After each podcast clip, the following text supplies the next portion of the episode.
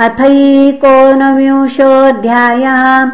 ॐ श्रीपरमात्मने नमः। श्रीशुक उवाच। इति वैरोचनेर्वाक्यं धर्मयुक्तं ससूनृतम् निशम्य भगवान् प्रीत प्रतिनन्देदमब्रवीतम् श्रीभगवानुवाच वचस्तवैतज्जनदेव सूनृतं कुलोचितं धर्मयुतं यशस्करम् यस्य प्रमाणं भृगवः साम्पराये पितामहः कुरुवृद्धः परप्रशान्तः न ह्येत पुनः न ह्येतस्मिन् कुले कश्चिन्निःसत्त्वः कृपणः पुमान् प्रत्याख्याता प्रतिश्रुत्य यो वादाता द्विजातये। न सन्ति तीर्थे युधि चार्थिनार्थिताः पराङ्मुखा ये त्वमनस्विनो नृपाः। युष्मत्कुले यद्यशसामलेन प्रह्लाद उद्भाति यथोडुपः स्वे यथोडुपखे यतो जातो हिरण्याक्षश्चरन्नेक इमां महिम् प्रतिवीरं दिग्विजयेनाविन्दत गदायुधः यं विनिर्जित्य कृच्छ्रेण विष्णु क्ष्मोद्धार आगतम्। नात्मानं जयिनं मेने तद्वीर्यं भूर्यनुस्मरम् निशम्य तद्वधं भ्राता हिरण्यकशिपुः पुरा। हन्तुं भ्रातृहणं क्रुद्धो जगामनिलयं हरेः। तमायान्तं समालोक्य शूलपाणिं कृतान्तवत् चिन्तयामास कालज्ञो विष्णुर्मायाभिनां वरः यतो यतोऽहं यत्रासौ मृत्युः प्राणभृतामिव। अतोऽहमस्य हृदयं प्रवेक्ष्यामि पराग्दृशहम् एवं स निश्चित्य रिपो शरीरमाधावतो निर्विविशे सुरेन्द्र श्वासानिलान्तर्हितसूक्ष्मदेहस्तत्प्राणरन्ध्रेण विविघ्नचेताः। स तन्निकेतं परिमृश्य शून्यमपश्यमान कुपितो ननाद क्ष्मां द्यां दिशः खं विवरान् समुद्रान्। विष्णुं विचिन्वं न ददर्श वीरः अपश्यन्निति होवाच मयान्विष्टमिदं जगत्।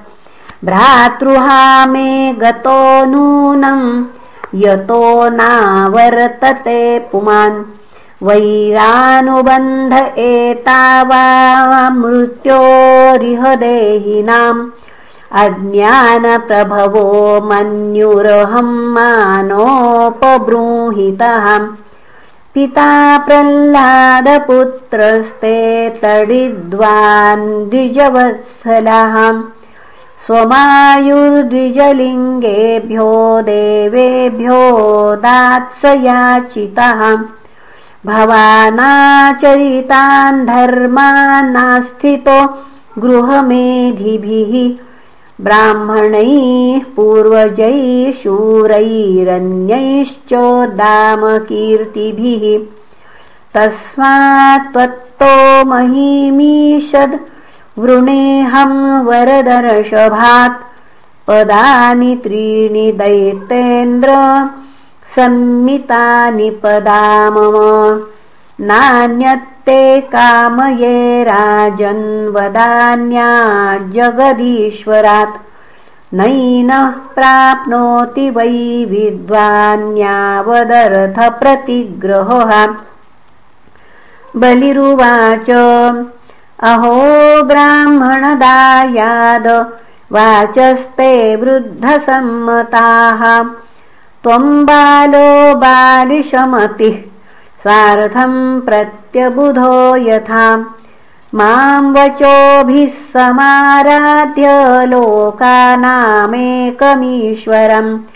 पदत्रयं वृणीते यो बुद्धिमान् द्विपदाशुषम् तपुमान् मामुपव्रज भूयो याचितुमर्हति तस्माद्वृत्तिकरीं भूमिं वटो कामं प्रतीच्छ मे। श्रीभगवानुवाच यावन्तो विषया प्रेष्ठा स्त्रिलोक्यामजितेन्द्रियम् न शक्नुवन्ति ते सर्वे प्रतिपूरयितुं नृप त्रिभिक्रमैरसन्तुष्टो द्वीपेनापि न पूर्यते। नववर्षसमेतेन सप्तद्वीपवरेच्छयाम् सप्तद्वीपाधिपतयो नृपा वैन्यगयादयः अर्थैः कामैर्गतानान्तम् तृष्णाया इति न श्रुतम् यदृच्छयोपपन्नेन सन्तुष्टो वर्तते सुखम्। नासन्तुष्टस्त्रिभिर्लोकैरजितात्मोपसादितैः।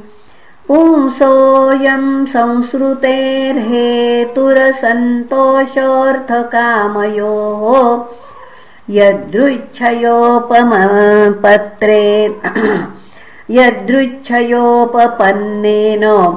सन्तोषो मुक्तये स्मृतः। यदृच्छालाभसुष्टस्य तेजो विप्रस्य वर्धते तत्प्रशाम्यत्यसन्तोषादम्भसेवा शुशुक्षणिः। तस्मात् त्रीणि पदान्येव वृणेतद्वरदर्शभात् एतावतैव सिद्धोऽहम्। वित्तं यावत् प्रयोजनम्। श्रीशुक उवाच इत्युक्तः सहसन्नाह वाञ्छान्तः प्रतिगृह्यताम्। वामनाय महिं दातुम् विष्णवेक्ष्मां प्रदास्यन्तमुशना असुरेश्वरम्। जानौ चिकीर्षितं विष्णो शिष्यम् प्राहविदां वरहाम्। शुक्र उवाच एष वैरोचने साक्षात् भगवान् विष्णुरव्ययः।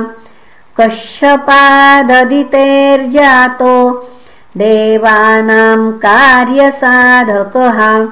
प्रतिश्रुतं त्वयैतस्मै यदनर्थमजानता। न साधु मन्ये दैत्यानां महानुपगतो न यः एष ते स्थानमैश्वर्यम् श्रियं तेजो यशश्रुतम् दास्यत्याच्छिद्यशक्राय मायामाणवको हरिः त्रिभिः क्रमैरिमौ लोकान् विश्वकाय क्रमिष्यति सर्वस्वं विष्णवे दत्त्वा मूढवर्तिष्यसे कथम् क्रमतो गां पदैकेन द्वितीयेन दिवं विभोः खञ्चकायेन महता तार्तिर्यस्य कुतो गतिः। निष्ठान्ते नरके मन्ये प्रदातुः प्रतिश्रुतम्। प्रतिश्रुतस्य योनीश प्रतिपादयितुं भवान्। न पुनः न तद्दानं प्रशंसन्ति येन वृत्तिर्विपद्यते दानं यज्ञस्तपः कर्म।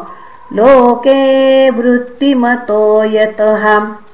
धर्माय यशसेऽर्थाय कामाय स्वजनाय च। पञ्चधा विभजन्वित्तमिहामुत्र च मोदते। अत्रापि बहुवचैर्गीतम् शृणु मे सुरसत्तम सत्यमोमिति यत् प्रोक्तम् यन्नेत्याहानृतं हि तत्।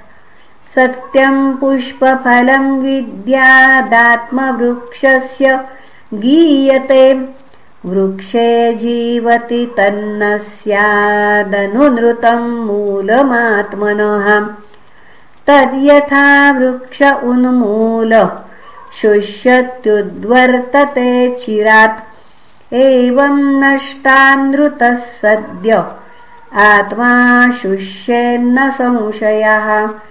परागृत्तमपूर्णं वा अक्षरं यत्तदोमिति। यत्किञ्चिदोमिति ब्रूयात्। तेन रिच्येत वै पुमान् भिक्षवे सर्वमोङ्कुर्वन्नालं कामेन चात्मने अथैतत्पूर्णमभ्यात्मम् यच्च नेत्यनृतं वचः। सर्वं नेत्यनृतं ब्रूयात् स दुष्कीर्तिश्वसंवृतः स्त्रीषु नर्मविवाहे च वृत्त्यर्थे प्राणसङ्कटे गोब्राह्मणार्थे हिंसायां नानृतं स्याज्जुगुप्सितम् इति श्रीमद्भागवते महापुराणे पारमहंस्यां संहितायाम् अष्टमस्कन्धे वामनप्रादुर्भावे एकोनविंशोऽध्यायः श्रीकृष्णार्पणमस्तु। हरये नमः हरये नमः हरये नमः